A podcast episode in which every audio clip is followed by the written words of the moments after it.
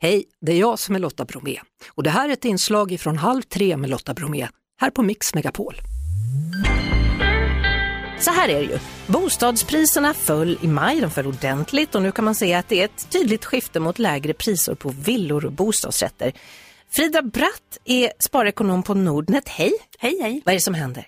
Ja, det som händer är att vi har en hög inflation i Sverige. Eh, och det betyder ju alltså då att priserna runt omkring oss på saker som vi vill konsumera ökar. Och det här är ju ingen bra sak för en ekonomi så att Riksbanken vill få bukt med det här. Och för att göra det så vill man höja räntorna. Och höjer man räntorna, ja då stiger också våra bolåneräntor. Och det har gjort köpare väldigt mycket mer försiktiga på bostadsmarknaden. Och det vi ser i de här siffrorna nu då, som visar att vi har en nedgång. Är det över hela landet som den här nedgången syns? Eller? Ja, i princip är det över, man tittar på riket så är det över hela, eh, det är absolut en nedgång i riket men den är störst i Stockholmsområdet och det är också där som priserna har stigit väldigt kraftigt under pandemin så att det, det finns ju en större fallhöjd där kan man säga.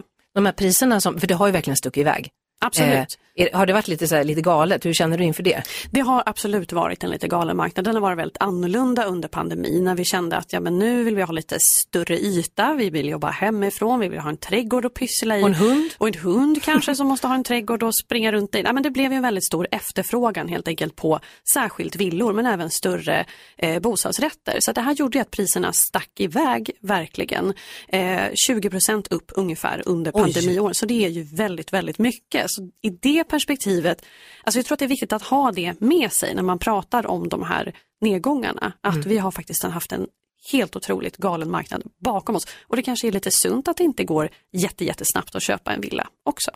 Alltså jag i, i det läget att jag gärna skulle vilja köpa ett hus.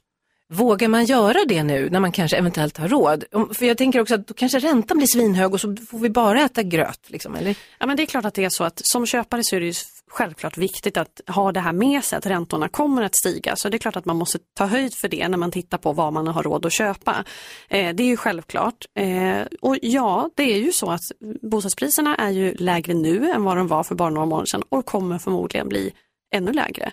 Eh, därför att i den här statistiken som vi fick idag då från Valueguard som visar de här nedgångarna, där har vi ju inte med eh, bostäder som är, är eh, osålda. Alltså de syns ju inte och det gör ju att förr eller senare så kommer ju de säljarna säkert tvingas sälja till ett pris de egentligen inte vill ha men som de tvingas acceptera. Så vi kommer säkert att få eh, fortsatta nedgångar också. Och har man möjlighet att köpa Eh, ja, varför inte? Men samtidigt om man har någonting att sälja också, då säljer man ju på samma marknad så att säga. Eh, så att det får man ju också ha med sig. Men, men visst är det så, bor man i hyresrätt eller vad det nu kan vara så kan det ju vara ett bättre, det är ett bättre läge för en köpare nu än för bara några månader sedan. Det finns ju vissa knepiga lägen som man kan vara i nu. Jag har ett exempel, jag har några vänner som har köpt en nyproducerad lägenhet men inte sålt villan än. Mm. För den får de ju inte alls så mycket pengar för som hade hoppats. Har du något råd till dem? Nej, men det är ett knepigt läge och det är därför man alltid säger det här förnuftiga, eh, sälj först och köp sen, men det är ju lättare sagt än gjort. Eh, nej, tyvärr är det ju så, det är inte så mycket att göra i det här läget eh, om man har den situationen, utan då handlar det snarare om att göra det bästa av situationen och det handlar kanske om, snarare om prioriteringar, alltså de behöver ju förmodligen sälja den här villan då och kanske till ett lägre pris än vad de hade tänkt sig. Så att det gäller ju att ställa in sig på de förväntningarna och sen räkna på sin ekonomi vad den blir då i och med det här andra köpet som de kommer att göra då. Kan bostadsmarknaden må bra av det här till och med? Ja men det beror på vilket perspektiv man ser det. Det är klart, personer vars eh, eh, bostad faller i värde tycker ju inte att det här är kul. Samtidigt så har vi haft en väldigt stökig situation på bostadsmarknaden där de som inte är inne på bostadsmarknaden har haft lätt att komma in. Det har varit väldigt höga hinder att komma in på bostadsmarknaden.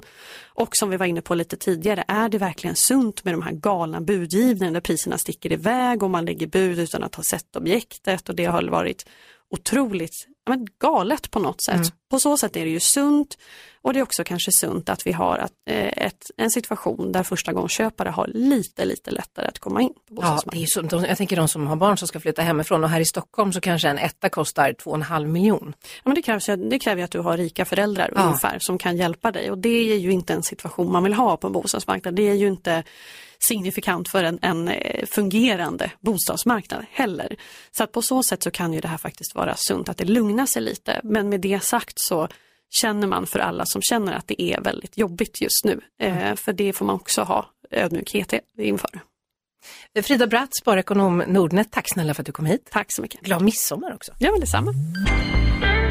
Vi hörs såklart på Mix Megapol varje eftermiddag vid halv tre. Ett poddtips från Podplay.